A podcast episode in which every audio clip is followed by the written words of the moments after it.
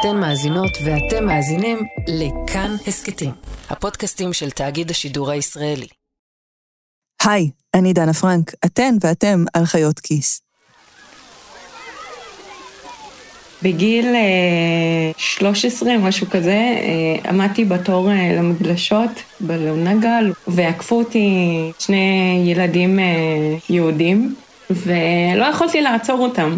כי לא היה לי את העברית המספיק טובה בשביל לעצור אותם, לריב איתם, לצעוק עליהם. שם הבנתי שבלי שפה, בלי יכולות לשוניות, אני לא אצליח במרוץ הזה, יעקפו אותי תמיד. זאת מייסלון דלאשה. מייסלון היא סוציולוגית ומרצה על יחסי ערבים-יהודים באוניברסיטת תל אביב. היא גדלה בכפר בואינה נוג'ידת בצפון הארץ. בכיתה ט', שנתיים אחרי הביקור ההוא בלונגל, היא נשלחה ללמוד בבית הספר למדעים ואומנויות בירושלים. זה ממש לא היה מובן מאליו. אני לא יודעת איפה אתם למדתם בתיכון, אבל כנראה שגם אתם למדתם עם ילדים שהגיעו מרקע דומה לשלכם. כשאנחנו מדברים על אינטגרציה בחינוך בישראל, אנחנו בדרך כלל מתכוונים לשילוב בין מעמדות שונים. בין תלמידים משכונות טובות יותר או פחות, וגם זה קשה. אף אחד לא מדבר על שילוב בין תלמידים מלאומים שונים. אבל מייסלון חוותה על בשרה את המעבר בין הלאומים מכיתה ט' עד לתואר השלישי. כשהייתי בבית ספר היהודי, אפילו צורת הליבוש, שבהתחלה התחלתי להתלבש כמו יהודים, אז אה, זה מאוד בלט, כאילו, זאת אה, שלומדת עם היהודים, זאת שהחברים של היהודים, אז, אז הייתי מובחנת באיזשהו מובן. הסיפור של מייסלון הוא חלק מסיפור גדול יותר, של שינוי חברתי עמוק. דודות שלי המבוגרות, אה, זה היה מאוד קשה לצאת מהכפר, ללכת ללמוד בנצרת, להיות משכילות, זה היה, זאת הייתה מילת גנאי, אישה משכילה באותם השנים, אנחנו מדברות על שנות ה-60, תחילת שנות ה-70. תוך שני דורות, המשפחה של מייסלון עברה מהשכלה מעטה מאוד לדוקטורט. המחקר שלי התחיל מזה שניסיתי להבין את החוויה שלי, הבנתי שאני לומדת על חוויה של דור שלם והיסטוריה שלמה של כל החינוך הפלסטיני בישראל, ועכשיו אני מסיימת את המחקר עם הדילמות של איפה לשים את הילדים שלי בעתיד, באיזה בתי ספר. לשאלה לאיזה בית ספר לשלוח את הילדים, יש השפעה אדירה על החיים שלהם, על המעמד, המקצוע והאפשרויות שיהיו להם. השאלה הזו דרמטית במיוחד בחברה הערבית, כי יש הבדלים אדירים בין מערכת החינוך היהודית לערבית בישראל. והרבה מהבעיות החברתיות במדינה מתחילות כאן. אז השבוע בחיות כיס, הדרך של החברה הערבית בישראל להשכלה, והאם המאמץ האדיר הזה משתלם להם.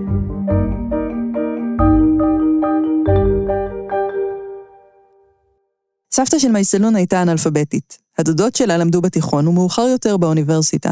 בשנות ה-70 הם היו מהנשים המשכילות הראשונות בכפר, והן שילמו על זה מחיר.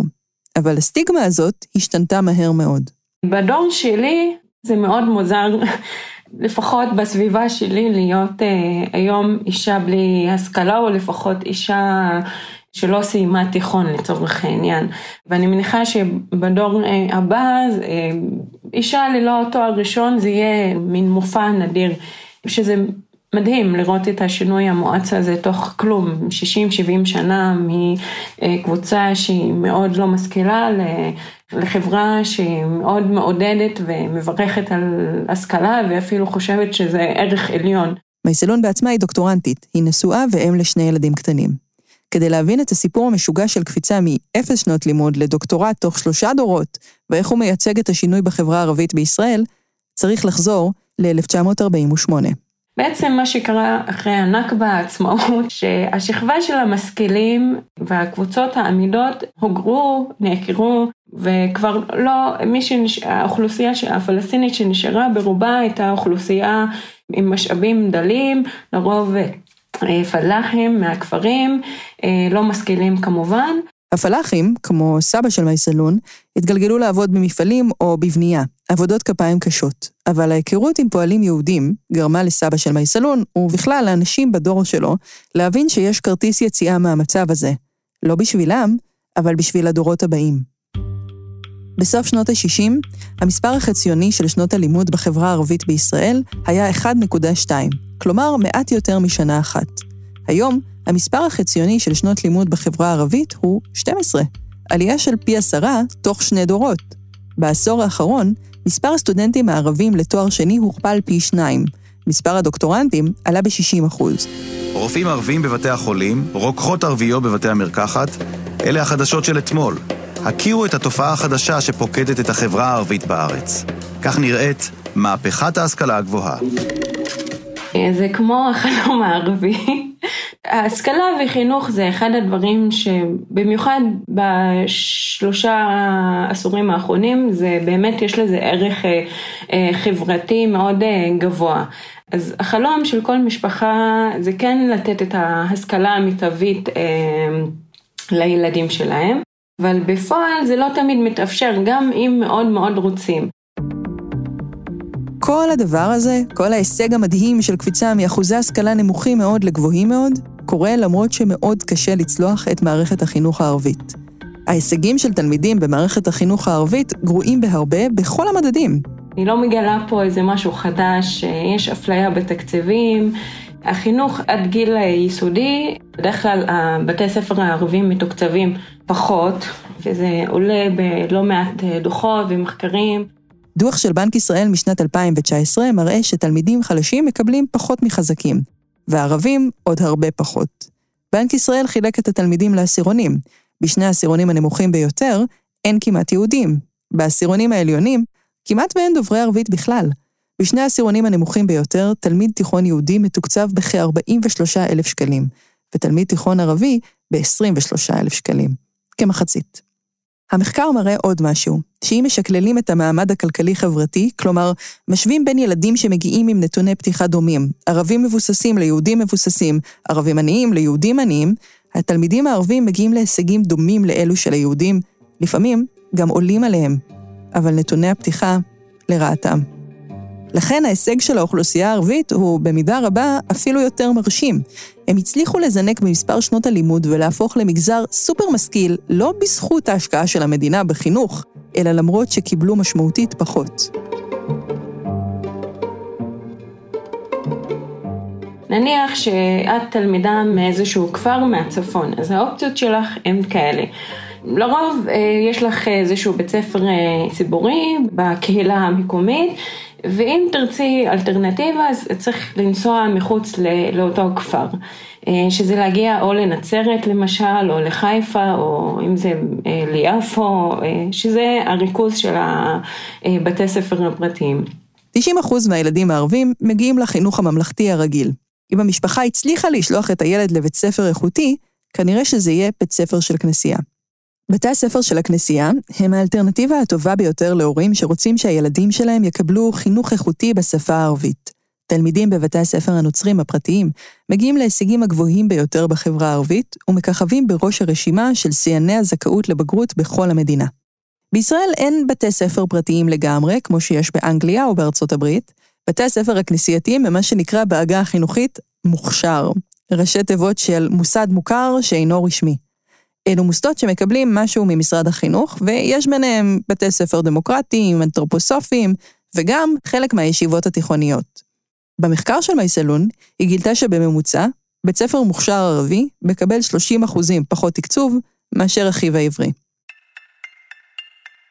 לפי נתוני מרכז המחקר והמידע של הכנסת, רוב בתי הספר הכנסייתיים גובים בין 3,500 ל-4,800 שקלים לשנה, ויש גם בתי ספר שגובים יותר, עד 6,000 שקלים בשנה.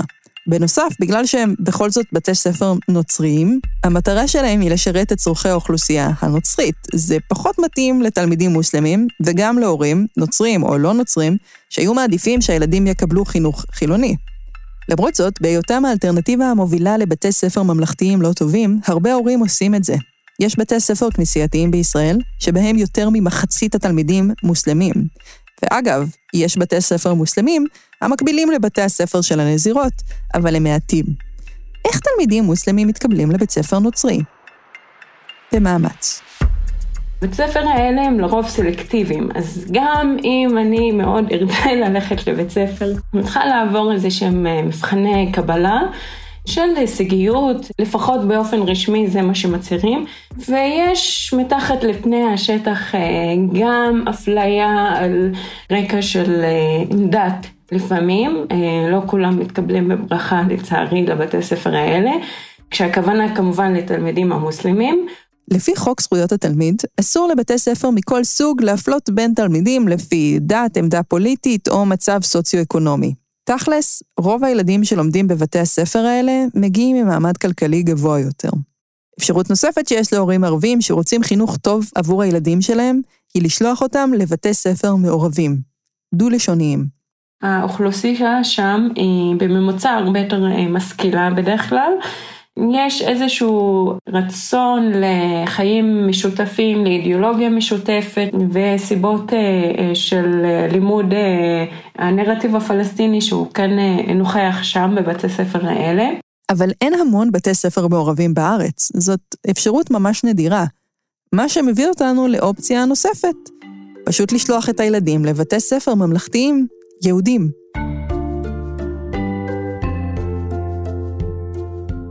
מייסלון מפרידה בין שני סוגים של תלמידים ערבים שלומדים בבתי ספר יהודיים. כאלו שמתגלגלים אליהם מכורח הנסיבות, למשל כי הם נולדו בערים מעורבות, כמו יפו או לוד, וכאלו שנשלחו ללמוד שם מתוך עיקרון. במקרה של בתי ספר מעורבים מכורח הנסיבות, יש תופעה סוציולוגית מעניינת. ככל שתלמידים ערבים זורמים לתוך בית הספר, כך תלמידים יהודים מתחילים לזלוג ממנו החוצה. זה קרה למשל בבית הספר היסודי ויצמן ביפו. עד תחילת שנות האלפיים, בית הספר היה מין סמל לדו-קיום. בית ספר רגיל, ממלכתי, באמצע העיר המעורבת יפו, ששירת ילדים משתי האוכלוסיות. אבל ככל שיותר ילדים ערבים הגיעו אליו, ההורים היהודים הביעו חוסר נוחות הולך וגובר מול העירייה, ובסופו של דבר, כשמספר הילדים הערבים בבית הספר השתווה למספר הילדים היהודים, הוא הופרד לשני בתי ספר, יהודי וערבי. בסוציולוגיה קוראים לזה white flight, מנוסת הלבנים. זה קרה בכמה ערים בארצות הברית, בהן, כשהאוכלוסייה האפרו-אמריקאית צמחה, חלה ירידה במספר התושבים הלבנים.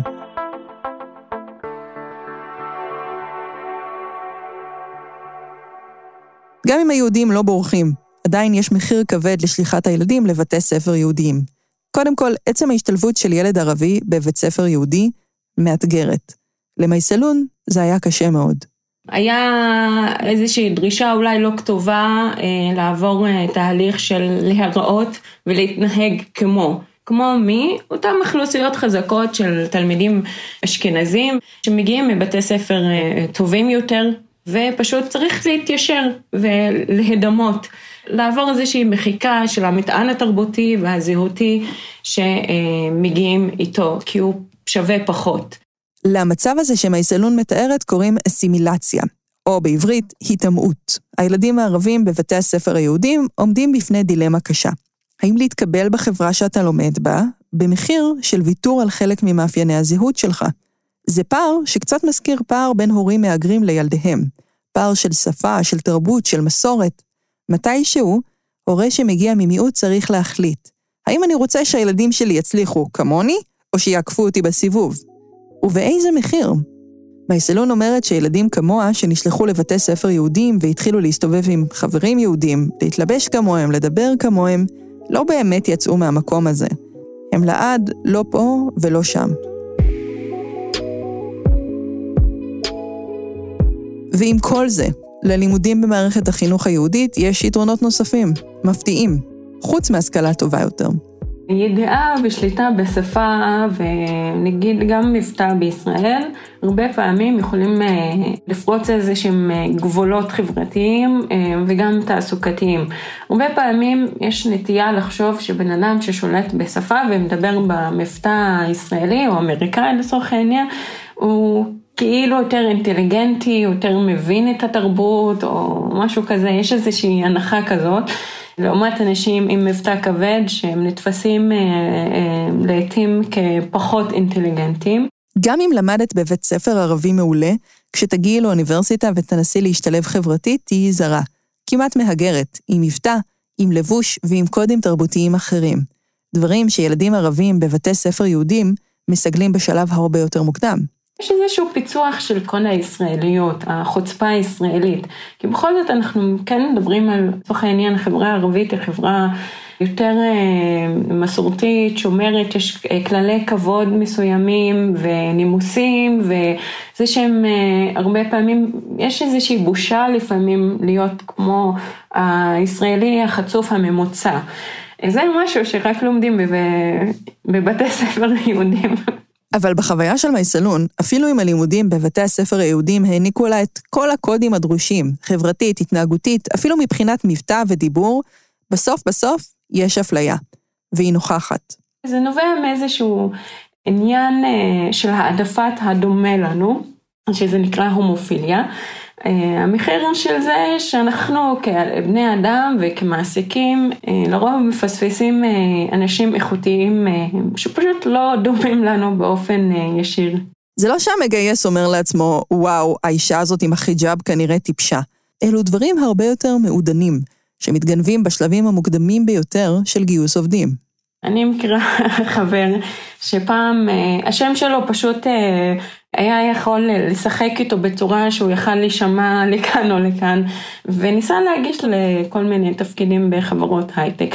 אז אם השם שלו יוסף, הוא לא התקבל. כשהוא הפך את זה לג'ו, אז פתאום כולם חזרו אליו מהמעסיקים וכן רצו לראיין אותו. כשמייסלון הגיעה לדוקטורט, היא החליטה לבדוק את חוויית החיים האישית שלה, לברר איך בית הספר שלמדו בו צעירים יהודים וערבים מוביל לבחירת המקצוע שלהם, ובהמשך משפיע על השכר שלהם. חוקר אמריקאי בשם אדם גמורן בדק את השכר של שחורים ולבנים בארצות הברית, שהם בוגרי בתי ספר אינטגרטיביים. הוא מצא משהו, ממצא מאוד מעניין. הוא מצא שתלמידים נטו יותר אה, ללכת לעבוד במקומות עבודה מעורבים עם לבנים. איך זה קורה? אחד ההסברים המובילים זה גם שבתי ספר האינטגרטיביים האלה נוטים למשוך את התלמידים כלפי מעלה. מייסלון ראתה מגמה דומה במחקר שלה בדוקטורט. נערים ונערות בוגרי תיכונים ערבים שלא ממש התערבבו עם האוכלוסייה היהודית בחיים שלהם, יעדיפו לחפש עבודה בתחום שבו הם יעבדו עם ערבים אחרים, או בתחום שהם ראו את ההורים שלהם ושל החברים מבתי הספר עובדים. מה יהיו התחומים האלו? עצמאים, בעלי עסקים קטנים, עורכי דין, וגם בכל הקשור לרפואה. בעיר עראבה, למשל, יש שיא ישראלי בכמות הרופאים ביחס לאוכלוסייה. זה מדבק. המצב הזה גם יכול להוביל למין אינפלציה, עודף של בעלי מקצוע מסוים, כמו רופאים בעראבה, או כמו העניין הזה שכל כך הרבה פעמים כשאתם נכנסים לסופר פארם, הרוקח יהיה ערבי, יש לזה סיבה היסטורית. עם הפתיחה של אה, האפשרות ללמוד באוניברסיטאות אה, בירדן, שהן ברמה יחסית מאוד אה, גבוהה והתעודה מתקבלת בישראל, הייתה איזושהי נהירה למקצוע של הרוקחות, כי הייתה איזה, היה איזשהו ביטחון תעסוקתי בהתחלה למקצוע הזה. בפועל הלכו יותר מדי כנראה ללמוד את המקצוע הזה. מה שיצר בעצם אה, תחרות מאוד מאוד גבוהה בתוך החברה הערבית. אז אה, כמובן אלו שאתם רואים בחברה היהודית זה אלו שלא הצליחו למצוא תעסוקה בסביבה שלהם. אז אה, בלית ברירה הם הלכו לעבוד ביישובים יהודים. בשנים האחרונות נבלם מספר הבוגרים בלימודי הרוקחות בחברה הערבית. עדיין אפשר להניח בזהירות שבין השנים 2005 ל-2015, משרת רוקח בנצרת הייתה אחת המשרות המבוקשות בישראל.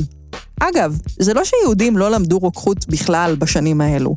הם כן, קשה להתקבל ללימודי רוקחות באוניברסיטאות בישראל. בבן גוריון תצטרכו פסיכומטרי מעל 680. בעברית, מעל 700.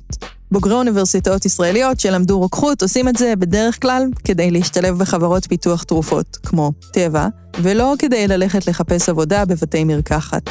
לא שזה אף פעם לא קורה, אבל זה קורה פחות. אז למה למרות כל המהפכה החינוכית, ואחרי שרכשו השכלה או מקצוע, ערבים מטפסים לאט יותר בשוק העבודה, ועשויים להגיע לתקרת הזכוכית?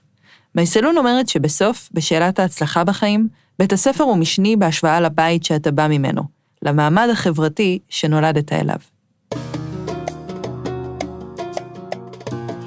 ההיפותזה של מייסלון היא שהרקע שלנו מוביל בבחירת המקצוע שלנו, אבל בית הספר במקום השני והחשוב, כך שהאנשים שאנחנו מוקפים בהם בזמן הלימודים, קובעים מה נעשה בבגרות שלנו. כדי לבדוק את ההיפותזה הזאת, צריך למצוא מקום מאוד מסוים, בית ספר שייתן לילדים את כל מה שטוב במערכת החינוך היהודית, בהשוואה למערכת החינוך הערבית, בלי לשלם את המחיר הכואב של המחיקה התרבותית. יש מקום אחד שהוא כמעט בדיוק הדבר הזה, אני אומר ל, לילדים ולהורים, אה, זה טוב שהם יצאו מפה עם תעודת בגרות, אבל תעודת בגרות היא בסופו של דבר כתובה על נייר, ואם מי שמחזיק אותה, אין לו יכול לדבר בעברית, לשבת בראיון בעבודה בעברית, אז הנייר הוא שר נייר, גם אם הוא עם ממוצע גבוה. זה סלע נופר. הוא איש חינוך והמנהל האדמיניסטרטיבי של כפר הנוער נווה מדבר. המקום הזה הוקם כי כמה אנשים הבינו את מה שמייסלון הבינה, שכדי לקדם את החברה הערבית, חייבים למצוא דרך לתת לילדים את מה שמערכת החינוך היהודית נותנת לבוגריה, והם בחרו להתחיל בילדים שנמצאים בתחתית הסולם החברתי-כלכלי בתוך החברה הערבית בישראל. אני לא רוצה שהם אה, יצאו פה אה, יהודים אשכנזים, לא. רוצה שהם יצאו בדואים, גאים במוצא שלהם, גאים במסורת שלהם, עם היכולות והכלים להשתלב במדינת ישראל של המאה ה-21. אז כדי לפגוש את סלע, נסעתי לניצנה. זאת הייתה נסיעה ארוכה.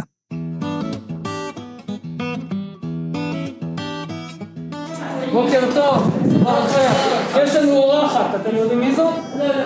תשאלו, קוראים לה, מאיפה כפר הנוער נמצא בחולות ניצנה בין היישובים כמהין ועזוז, ממש מטר משום מקום, ושני מטר מהגבול עם מצרים. הכפר הוקם באמצע שנות ה-80 בידי אריה לובה אליאב, איש מפא"י ומפלגת העבודה, מחנך, וגם בן טיפוחיו של ביאליק.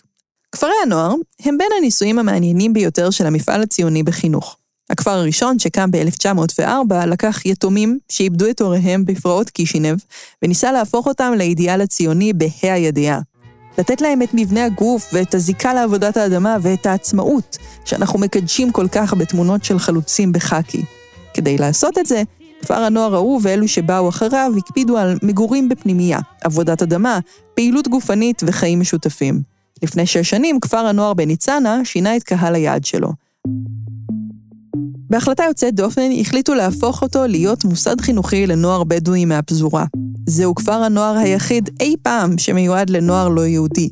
לומדים בו בתנאי פנימייה נערים מכיתה ט' עד י"ב שמגיעים מכל רחבי הפזורה הבדואית. כפר הנוער שייך למשרד החינוך ולתנועה הקיבוצית, ויש בו מתנדבי שנת שירות.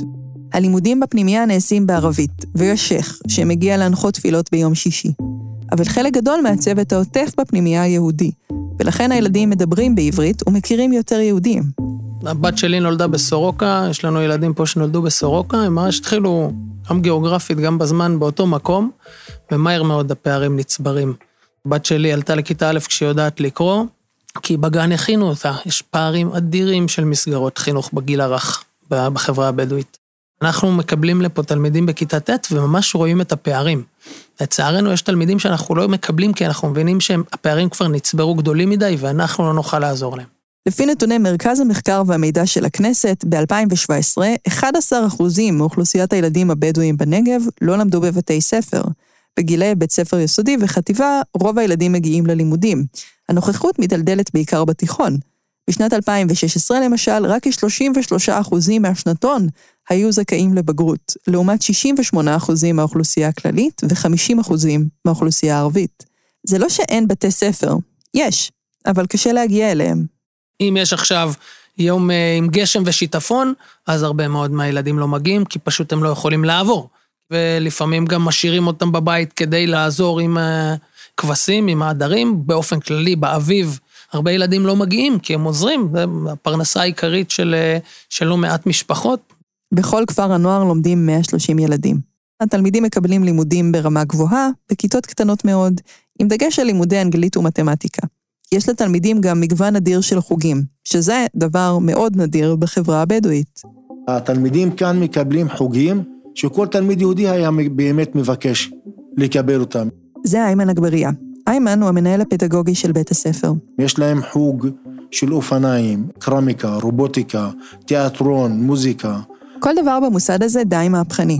למשל, העובדה שהוא פונה לכל האוכלוסייה הבדואית בנגב. בבתי הספר בחברה הבדואית, זה קודם כל אתה פוגש אנשים מאותו היישוב, ולפעמים, לצערי הרב, מאותו השבט.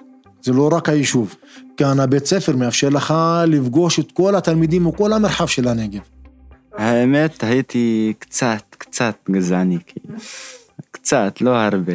אבל עכשיו בגלל שיש הרבה תלמידים והכל, אז אני משתדל, והם כמעט כולם חברים שלי. זה שאדי אבו וואדה. הוא תלמיד י"ב בכפר הנוער, והוא מגיע מכפר לא מוכר, ואד אל-נאם, ליד שגב שלום. פגשנו הרבה יהודים וגם רוסים וגם הכל. השפה שלנו העברית, כאילו קצת, רק שלום, מה נשמע וזהו. על לדבר ככה לא הייתי מדבר אני. אז למה רוב הילדים הבדואים בדרום לא יכולים לקבל חינוך טוב, שיהפוך אותם לעובדים שהמשק הישראלי צריך? בין היתר בגלל מחסור בכוח אדם. איימן, כמו הרוב המכריע של אנשי החינוך בחברה הערבית, לא נולד בדרום הארץ, הוא מהצפון. אני לימדתי גם בדרום, גם בצפון. קודם כל המצע והשפע של המורים הצפוניים הוא הרבה יותר גדול מאשר בדרום. בדרום יש איזשהו מחסור במורים. זוכרים את הרוקחים?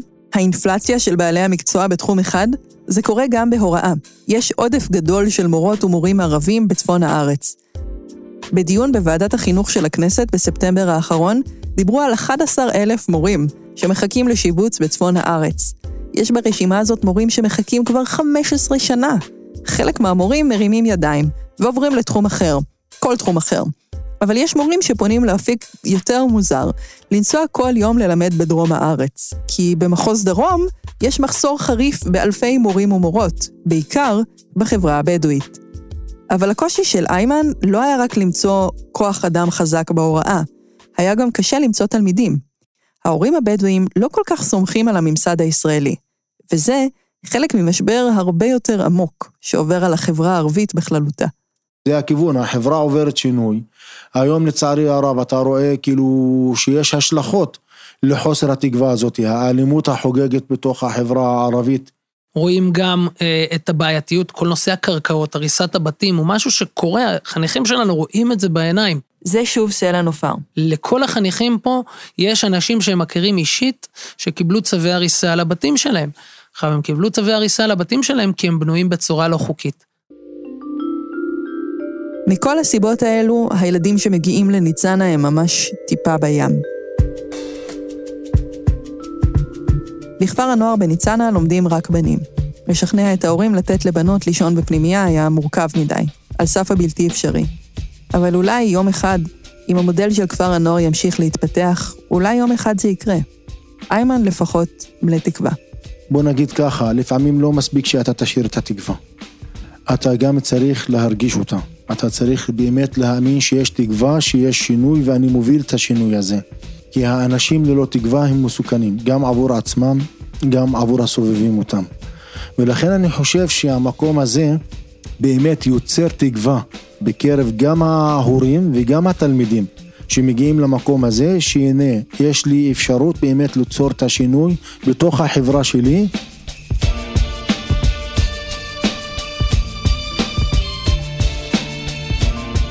האזנתן לחיות כיס. העורכת שלנו היא נועה בן הגיא, ועורך הסאונד אסף רפפורט. בהכנת הפרק הזה סייעו המתמחות שלנו יהודית רוזנפלד וענבל מורג. במערכת חיות כיס גם שאול אמסטרדמסקי וצליל אברהם. תודה למאיה קוסובר, שסייעה בעריכת הפרק.